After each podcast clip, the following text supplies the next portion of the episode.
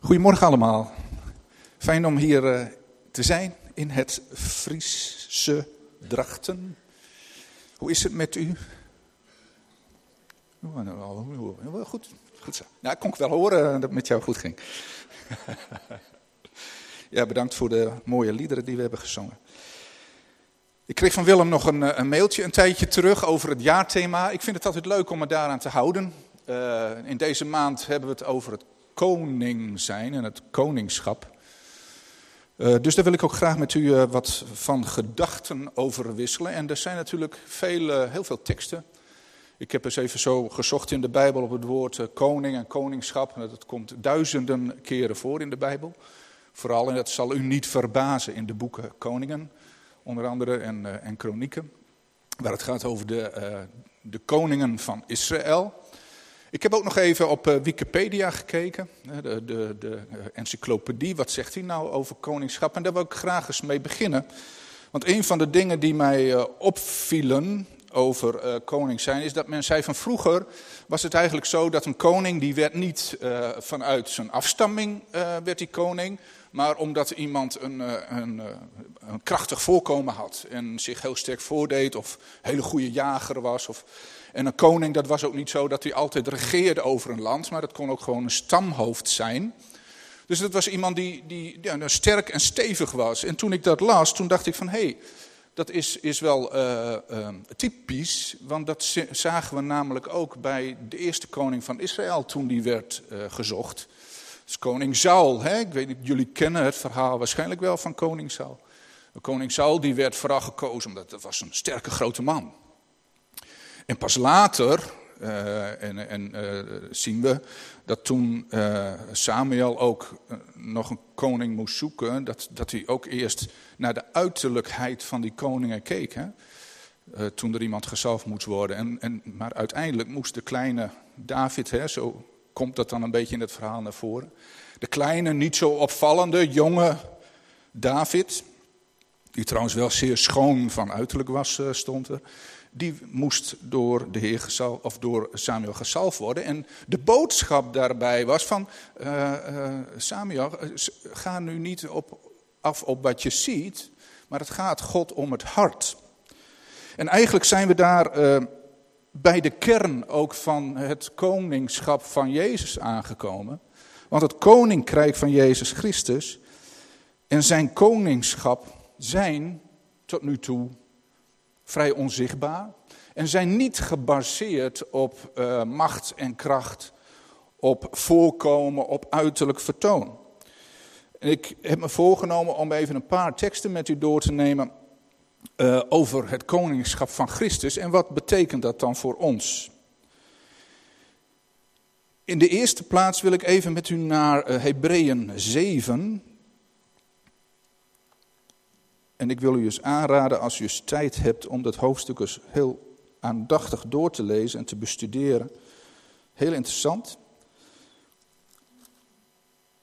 Want het gaat namelijk over uh, Melchizedek. En Melchizedek, dat was ook een van de eerste koningen die genoemd werd in Genesis. Heel vroeg al in de geschiedenis van Abraham. Hebreeën 7. En ik lees het uit de nieuwe Bijbelvertaling. Deze Melchizedek, koning van Salem en priester van de Allerhoogste God, ging Abraham tegemoet toen deze terugkeerde van zijn overwinning op de koningen en zegende hem. In de geschiedenis was het zo, Abraham had een strijd met allerlei koningen gevoerd. En toen hij terugkeerde, kwam Melchizedek hem tegemoet. En zegende hem, waarna Abraham hem een tiende van alle buit gaf. Zijn naam betekent koning van de gerechtigheid. Melchi, dat is Melech, dat is koning. Zedek, Zedekia, die naam kennen we ook, dat is gerechtigheid. Dat is koning van de gerechtigheid. En verder is hij ook koning van Salem, Shalom, zeg maar, hè? dat is koning van de vrede. Hij heeft geen vader of moeder, geen stamboom, geen oorsprong of levenseinde en lijkt op de zoon van God. Hij is priester voor altijd. Geef u rekenschap van zijn grootheid. En ik lees even tot hier, want uh, in dit gedeelte gaat uh, de apostel Paulus in de Hebreeënbrief dan uitleggen hoe het zit met het priesterschap van Aaron en het priesterschap van deze Melchizedek. En hoe kan het nu dat er nu een hoge priester is die niet uit de stam van Aaron, van Levi komt, maar dat er een, een, een, priester, nu een hoge priester is, Jezus, die uit de stam van Juda komt. Nou, daar ga ik niet allemaal op in. Het gaat mij er even om dat hier over het koningschap van Jezus wordt gezegd, die lijkt, of die Melchizedek, die lijkt op uh, Jezus Christus. En hij is een koning van gerechtigheid en hij is een koning van vrede. Dat is de basis van het koningschap van Christus. En van deze Jezus wordt gezegd dat hij net als Melchizedek, dat hij priester is geworden naar de ordening van Melchizedek. Die dus ver voor Aaron en voor Levi er al was. Dat is eigenlijk wel heel bijzonder. Een koning van vrede en een koning van gerechtigheid. In grote tegenstelling tot allerlei aardse koninkrijken die er zijn. Ik weet niet of het u uh, opgevallen is, maar er schijnen weer verkiezingen op uh, handen te zijn voor de provincie. Uh, in, in, Groningen in ieder geval zie je in de woonplaats Hoge Zand van, van mijn moeder, zie je haast aan elke lantaarnpaal een grote poster met, een, met een hoofd erop en, en een partijnaam. Dus dan moet je daarop stemmen. En, zo zie je eigenlijk dat het, het macht hebben of het regeren of het koningschap zeg maar, van deze wereld wel erg is gericht op uiterlijk. Is echt gericht op uiterlijk vertonen. Je, moet er een gezicht bij hebben. Uh, er, er, moet iemand uh, het, het, toonbeeld zijn, of hoe noemen ze dat wel? Uh, iets met een. ik kan even niet op het woord komen, maar iemand die moet zeg maar de, de, de, degene zijn die in het oog springt. Het boegbeeld, daar was ik naar op zoek. Iemand moet het boegbeeld zijn van, oh, dat is die partij, dat is die partij, dat is die partij. En het koningschap van Jezus en van deze Melchizedek, dat is op een heel andere zaken gebaseerd. In um, Lucas 17, vers 20, daar staat, en dat is dan de nieuwe vertaling, er staat de komst van het koninkrijk van God laat zich niet aanwijzen. En dat is een nieuwe vertaling, maar in de NBG en de oudere vertalingen staat van... Het koninkrijk van God komt niet met uiterlijk vertoon. Er, er is niet een grote poster van Jezus uh, met zijn hoofd erop waar, uh, waarvan we zeggen van ja, ik wil dat die mijn koning is. Die is er niet. Als wij Jezus al kennen, en als wij Jezus al zien eh, in ons hoofd, zeg maar, het beeld van Jezus Christus zien, dan is dat een koning die zich heeft vernederd. Die zich voor ons heeft gekruisigd, die zich heeft opgeofferd voor zijn volk. In de eerste plaats voor het Joodse volk, maar ook voor allen die na zijn dood en opstanding in hem geloofden. Hij heeft zich opgeofferd. Welke koning, aardse koning, doet dat? Dus in plaats van het uiterlijke vertoon en in plaats van het, uh, ja, het, het, het, boegbeeld zijn en uh, voor, vooral erg op uiterlijke dingen gericht zijn, is het koninkrijk van Jezus Christus volkomen anders. En daar wil ik u graag nog eens even meenemen. Van wat zegt de Bijbel daar dan van en wat betekent dat dan voor ons? In de eerste plaats, en dat moet u niet verder vertellen hoor, dit is een geheimpje. Kent het koninkrijk van de hemelen, of zo wordt het ook genoemd, of het koninkrijk van God, het koninkrijk van Jezus kent geheimen. Wist u dat? Dat is ook weer nieuwe vertaling. Ik moet er ook even een beetje aan wennen. Dat staat in Matthäus 13, vers 11. Daar wil ik wel graag even met u naartoe bladeren. Matthäus 13, dat is de, het hoofdstuk waarin Jezus uh, zeven verhalen, dan wel gelijkenissen vertelt. En na de eerste gelijkenis die Jezus had verteld, vragen zijn discipelen en hem van waarom spreekt u nu in gelijkenissen? Nee, gelijkenissen, dat zijn uh, verhalen waarin dingen worden uitgebeeld en waarin de Heer wil uitleggen wat het koninkrijk van God nu allemaal zo'n beetje is. En dan staat in Matthäus 13, vers 11, zei ik, klopt dat wel? Nee. Oh, ik zit in Johannes te bladeren, ik dacht al, dat kan niet. Matthäus 13, vers 11, ja, ik heb hem inmiddels. Daar staat, eh, de leerlingen, vers 10, de leerlingen kwamen naar hem toe en vroegen, waarom spreekt u in gelijkenissen tot hen? Hij antwoordde, jullie mogen de geheimen van het koninkrijk van de hemel kennen, hun is dat niet gegeven. Dus het koninkrijk van de hemelen heeft geheimen.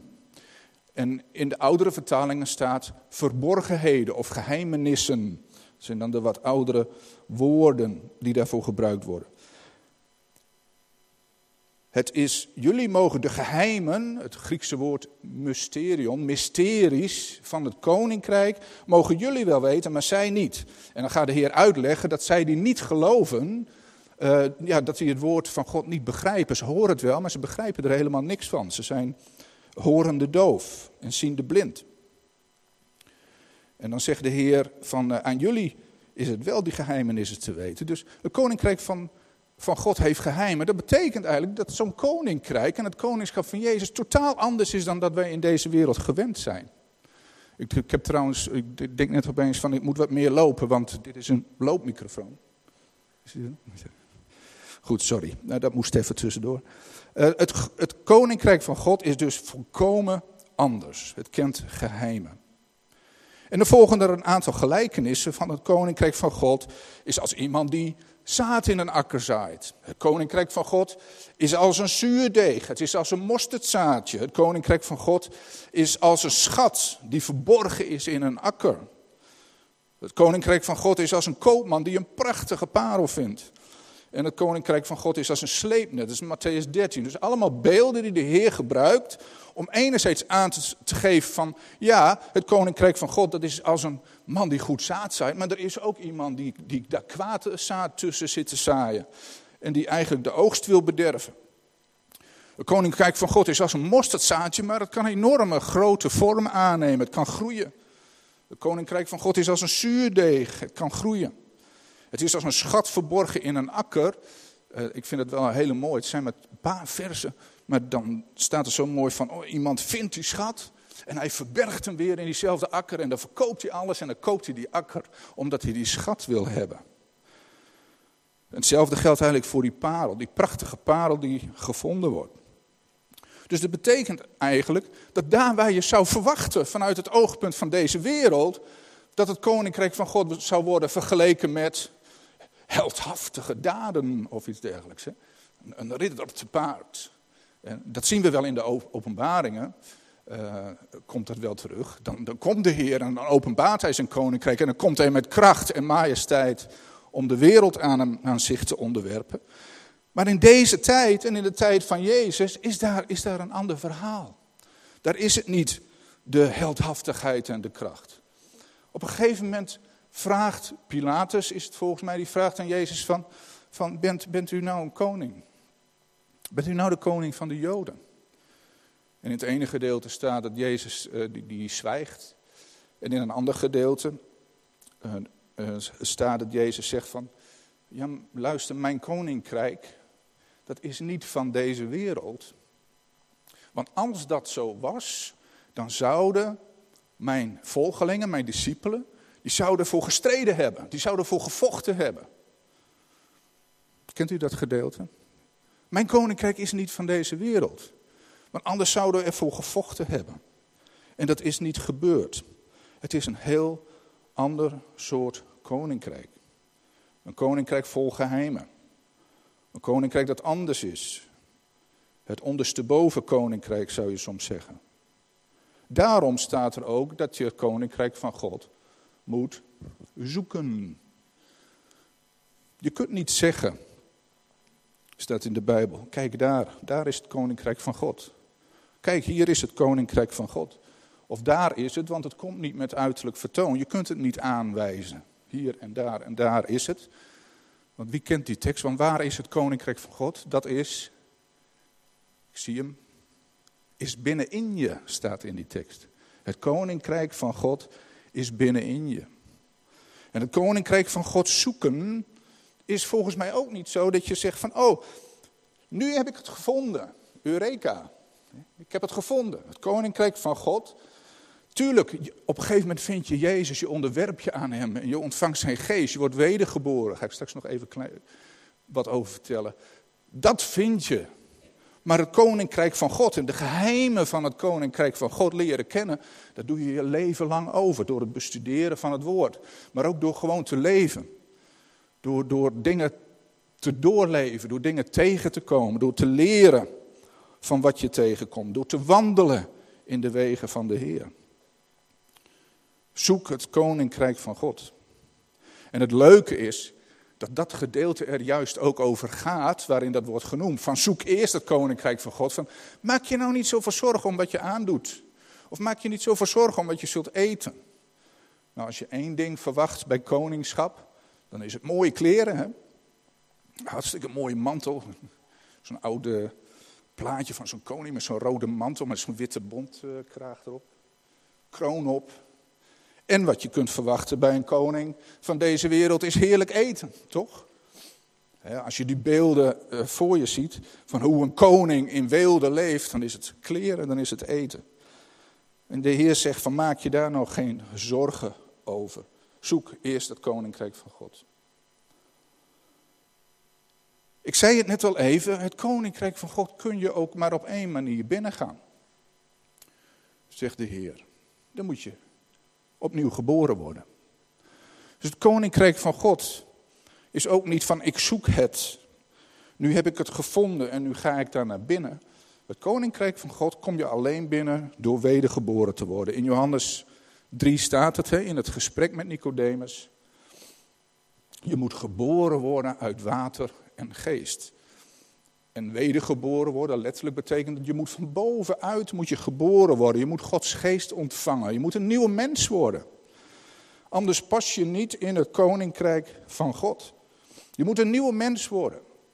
Je moet van binnen vernieuwd worden. Het koninkrijk van God is in je hart. Ik heb net al even genoemd, en dat was het vierde puntje wat ik had staan. Het koninkrijk van God van Jezus Christus is niet van deze wereld. Het is anders. Het gaat niet om vertoon, het gaat niet om macht. Het laat zich niet aanwijzen. En op een gegeven moment zijn zijn discipelen ook wel een beetje uh, de weg kwijt af en toe. Hè. Dan, dat kan ik me wel voorstellen. Kijk, wij kennen die geschiedenissen allemaal. Zij wandelden met de Heer en waren continu verbaasd over wat Jezus nu weer deed. En ik zei het al even over het, het uiterlijk vertoon wat deze wereld wel heel erg voorop stelt. Hè. Uh, je moet vooral op een poster staan en je moet het gezicht zijn van een partij enzovoort enzovoort. Uh, was het Jezus die zocht dat niet op. Als hij succesvol had willen zijn, de Heer Jezus Christus, had hij dingen heel anders moeten doen. En dat bedoel ik succesvol in de zin van wat we in deze wereld onder uh, succesvol verstaan. Hè? Als hij succes had willen hebben, als hij heel veel volgelingen had willen hebben, als hij had gewild dat uh, heel Israël achter hem aanliep, wat eventjes wel gebeurde, maar toen al heel gauw weer weg was. Als hij dat echt had willen doen, had hij gewoon dingen anders moeten doen. Dan had hij niet moeten gaan zitten eten met een, uh, met een tollenaar. Nee, dan had hij moeten gaan eten met de hooggeplaatste. En had hij daar uh, zijn weg moeten vinden. Had hij moeten gaan lobbyen. Dus uh, lobbyen. Van, hé, uh, hey, vind je ook niet dat? En zullen we het er eens over hebben? Onder een goede maaltijd. Dat alles was niet de opdracht van Jezus. Zijn opdracht was om zich te vernederen. En zich voor ons te geven. Maar de discipelen die, die, die, die zijn soms een beetje de weg kwijt. En op een gegeven moment vragen ze dan aan de Heer van... Heer Jezus, zegt u. Wie is nou de grootste in het koninkrijk van de hemel? Wie is nou de grootste in het koninkrijk? En met grootste bedoelen we dan niet uh, in meters. Hè? Dat, dat, uh, dat, dat moeten we maar niet doen. Dat bedoelen ze de belangrijkste. Wie is nou de belangrijkste? Ze vragen ook op een gegeven moment van... Wie zit nou aan uw rechter en aan uw linkerhand in het koninkrijk? Waar, waar zijn deze mensen dan op uit die dit vragen? Wat willen ze eigenlijk weten? Zou ik wel willen zijn. Dat zit erachter. Ben, ben ik het die, die straks naast u mag zitten? Heb ik een mooie plek? We hebben, Peter zegt ook, we hebben toch alles verlaten eh, om u. En dan mogen we toch ook wel een mooi plekje. Maar dat is niet in het denken van Jezus. Want wat doet Jezus dan? Wie kent die geschiedenis? Wat gaat Jezus doen als dit wordt gevraagd? Wie? Zeg Ja, hij ging ook voeten wassen, maar niet bij deze. Ja, ja zijn we het eens? Ja, goed. Mooi. Ja, hij pakte een kind. Ja, ik kan het hier niet voordoen, want de kinderen zijn weg.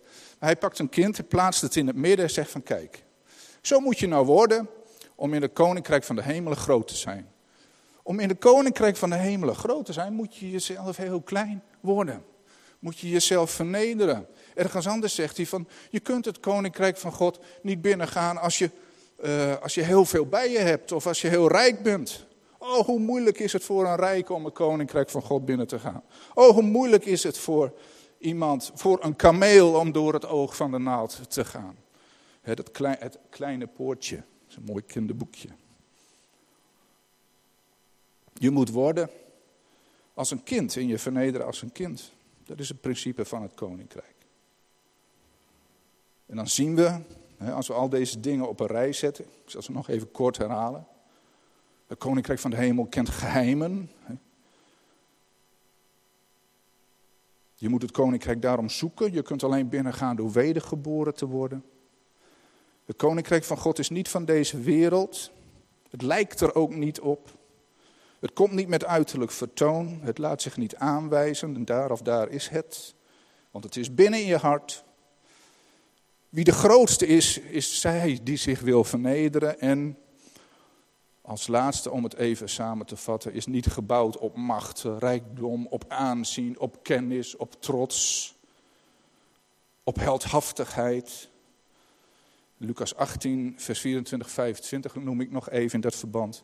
Daarover wordt gesproken over de kameel door het oog van de naald. Het is nog makkelijker dat een kameel door het oog van de naald gaat, dan dat een rijke binnengaat in het koninkrijk van God. En wat betekent dat nou voor ons? Maar wat betekent het nou als je zegt van, ja, ik wil Jezus volgen uh, als mijn koning? Dat is soms wel eens even wat lastig. Want we hebben een koning, een hemelse koning, die we niet zien, die wel in ons woont. Dat geloven we, hè? dat aanvaarden we, dat leert de Bijbel ons. Dat voelen we, Voelen we in ons binnenste. We hebben een koninkrijk. We zijn, maken deel uit van een koninkrijk. Wat we niet zien. Je kunt het wel zien, maar dan zit het in mensen. Hè? En wat, de dingen die God doet. Dat is lastig. Hoe volg ik nu mijn koning? Dat betekent ten eerste dat je inderdaad in de voetsporen van Jezus treedt. En in de voetsporen van Jezus treden zien we in het Nieuwe Testament steeds genoemd als verneder jezelf.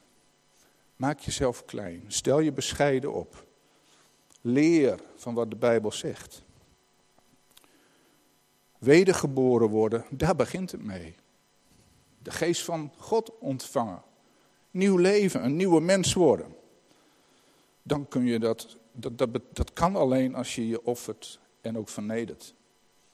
Maar dan vervolgens zegt de Bijbel van, maar dan moet je ook veranderd worden. Je moet op, op een burger van het koninkrijk gaan lijken. Je moet op de koning gaan lijken. En dat betekent dat je veranderd moet worden in je denken. Je denkwijze moet veranderd worden. Ik heb net een aantal dingen genoemd.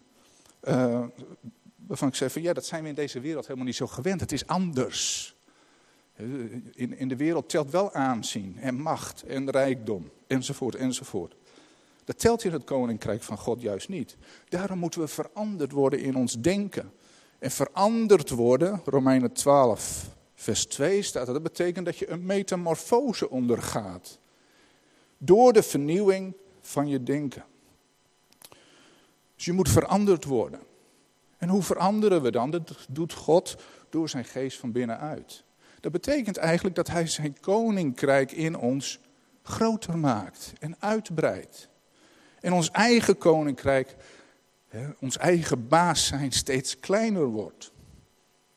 Hij moet groeien en ik moet minder worden, zegt Johannes op een gegeven moment. Je moet veranderd worden in je denken. En dan staat er ook dat wij burgers zijn niet van een aards koninkrijk, maar we zijn burgers van een plaats in de hemel. Daar wil ik toch ook graag nog even met u naartoe in Efeze 2. Daar staan ook wel een paar van die praktische zaken daarover. Efesius 2.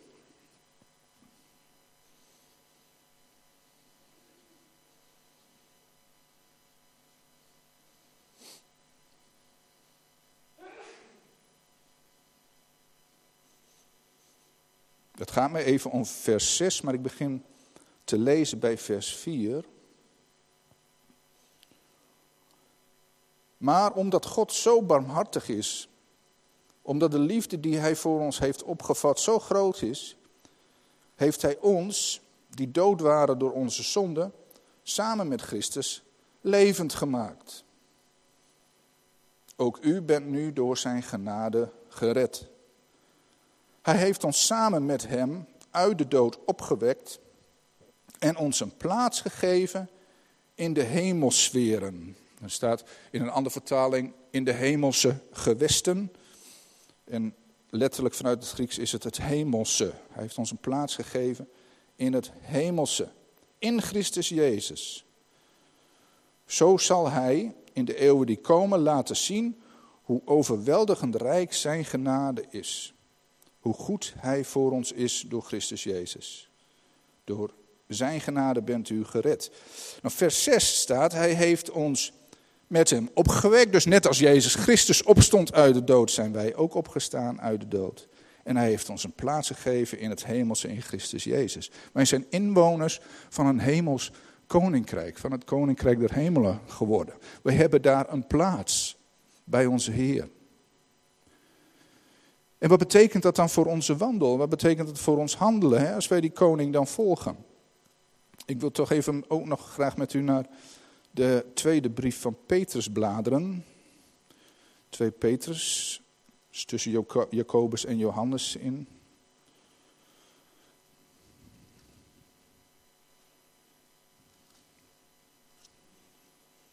De tweede brief van Petrus en dan hoofdstuk 1.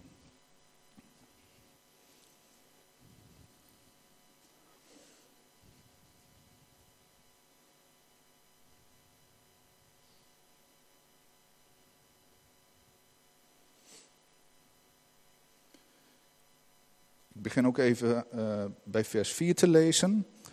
Hiermee zijn ons, en dat is met, met het, uh, het leven wat Jezus ons geeft, hiermee zijn ons kostbare, rijke beloften gedaan, opdat u zou ontkomen aan het verderf dat de wereld beheerst als gevolg van begeerte, en omdat u deel zou krijgen aan de goddelijke natuur. Dat is het, hè, de goddelijke natuur, het wedergeboren worden, de goddelijke natuur. Span daarom al uw krachten in om uw geloof te verrijken met deugzaamheid. Uw deugzaamheid met kennis, uw kennis met zelfbeheersing, uw zelfbeheersing met volharding, uw volharding met vroomheid. Uw vroomheid met liefde voor uw broeders en zusters en uw liefde voor uw broeders en zusters met liefde voor allen. Als u deze eigenschappen in overvloed bezit, is uw kennis van onze Heer Jezus Christus niet nutteloos, maar vruchtbaar. Wie ze niet bezit, hou u vast, wie ze niet bezit is kortzichtig, ja blind en vergeet dat hij van zijn vroegere zonde gereinigd is. Span u daarom des te meer in om uw roeping en uitverkiezing waar te maken, broeders en zusters. Want als u dit alles doet, komt u nooit ten val en zal u onbelemmerd toegang worden verleend tot het eeuwig koninkrijk van onze Heer en Redder Jezus Christus. Dus wat zegt de apostel Petrus hier nu eigenlijk van? Als je bij het koninkrijk van God hoort, gedraag je dan als het koninkrijk van God. Gedraag je dan zoals dat bij de koning Jezus past. En dat is inderdaad niet in macht en al dat soort zaken, maar dat is, zegt uh, uh, Peters hier, dat is de goddelijke natuur, waarbij je uh, bij je geloof de deugdzaamheid doet, bij kennis, bij, daarbij kennis, de zelfbeheersing, de volharding, de vroomheid, de liefde voor broeders en zusters en de liefde voor allen. Als je dat doet, dan zal je toegang worden verleend tot het koninkrijk van God. Dus het gedrag wat bij het koninkrijk van Jezus Christus hoort. En dat heeft een veranderd denken tot gevolg. Als wij de koning willen volgen, betekent dat wij in zijn voetstappen treden. En dat betekent dat wij ten koste van alles, ten koste van onszelf, hem uh, willen blijven volgen en onszelf willen vernederen met hem. Jezus zegt, mijn koningschap hoort niet bij deze wereld. Anders zouden mijn dienaren er wel voor gevochten hebben. Ergens anders staat van, zij, mijn discipelen, zij zijn niet van deze wereld. Net zoals ik van deze wereld niet ben. Dus dat is wel lastig, want we leven wel in deze wereld. Hè. Dat is best lastig om uh, je, je, ja, een, een andere denken, een andere vorm van leven te leven te midden van die wereld die zo anders in elkaar zit. Ik vind dat tenminste best lastig. Maar gelukkig heeft God zijn geest aan ons gegeven, die ons kracht geeft. Hij helpt ons. En wat ons altijd helpt natuurlijk is het lezen. Het, het tot je nemen van het woord van God. Dat verandert je denken. Daar word je vol van het koningschap van Jezus. Ik wil graag samen met u de Heer danken.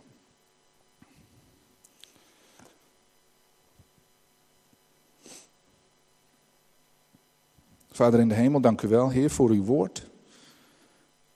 Dank u wel dat u onze koning bent. Heer, u bent machtig, u bent krachtig. U bent onze held, Heer. U bent degene die is opgestaan uit de dood en de dood heeft overwonnen. Ik dank u daarvoor. En dank u wel, Heer, dat u dat niet hebt gedaan door uh, machtig en krachtig op te treden, Heer, maar dat u dat hebt gedaan door te sterven voor ons. Dat u dat hebt gedaan door uzelf te vernederen. Door aan het kruis te hangen voor ons, Heer. Dank u wel daarvoor. Dank u wel, Heer, dat u zo laat zien hoe we het koninkrijk van God ingaan. Dat we mogen weten dat we deel mogen hebben aan uw dood en aan uw opstanding, Heer. Zodat we deel uit mogen maken van u. Heer, dank u wel dat u onze koning wilt zijn. Heer, want uh, ja, wie zijn wij met onze zondige natuur? Heer, met onze, ons denken wat soms volledig ontspoort, Heer, met onze eigen levens, Heer. Maar dank u wel, door uw genade, Heer, hebt u ons gered. En ik ben blij, Heer, dat we deel mogen uitmaken van uw koninkrijk.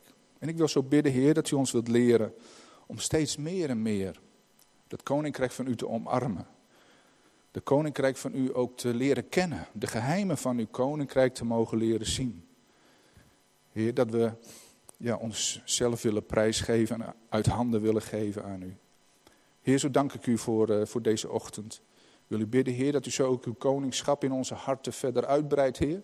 Zodat uw koninkrijk ook hier in uh, Drachten ook gestalte mag krijgen, Heer. Niet door macht of kracht of heldendaden, Heer, maar door liefde. Liefde voor de broeders en zusters, eerst zoals Peter zegt, en daardoorheen liefde jegens allen. Heer, dank u wel dat u koninkrijk een koninkrijk van liefde is. En dat we ons daarom ook zo graag aan u willen onderwerpen, Heer. Omdat u ons wilt onderwijzen in die liefde. In het wandelen in uw liefde, Heer. En het omgaan met elkaar zoals u dat hebt bedoeld. Heer, wilt u ons zo waardige kinderen van het koninkrijk maken, Heer. Zodat, ja, zodat ook anderen ervan, zodat we ervan kunnen getuigen, Heer, door onze daden. Dat anderen mogen zien dat u werkelijk hier leeft. Dat bid ik zo in Jezus' naam. Amen.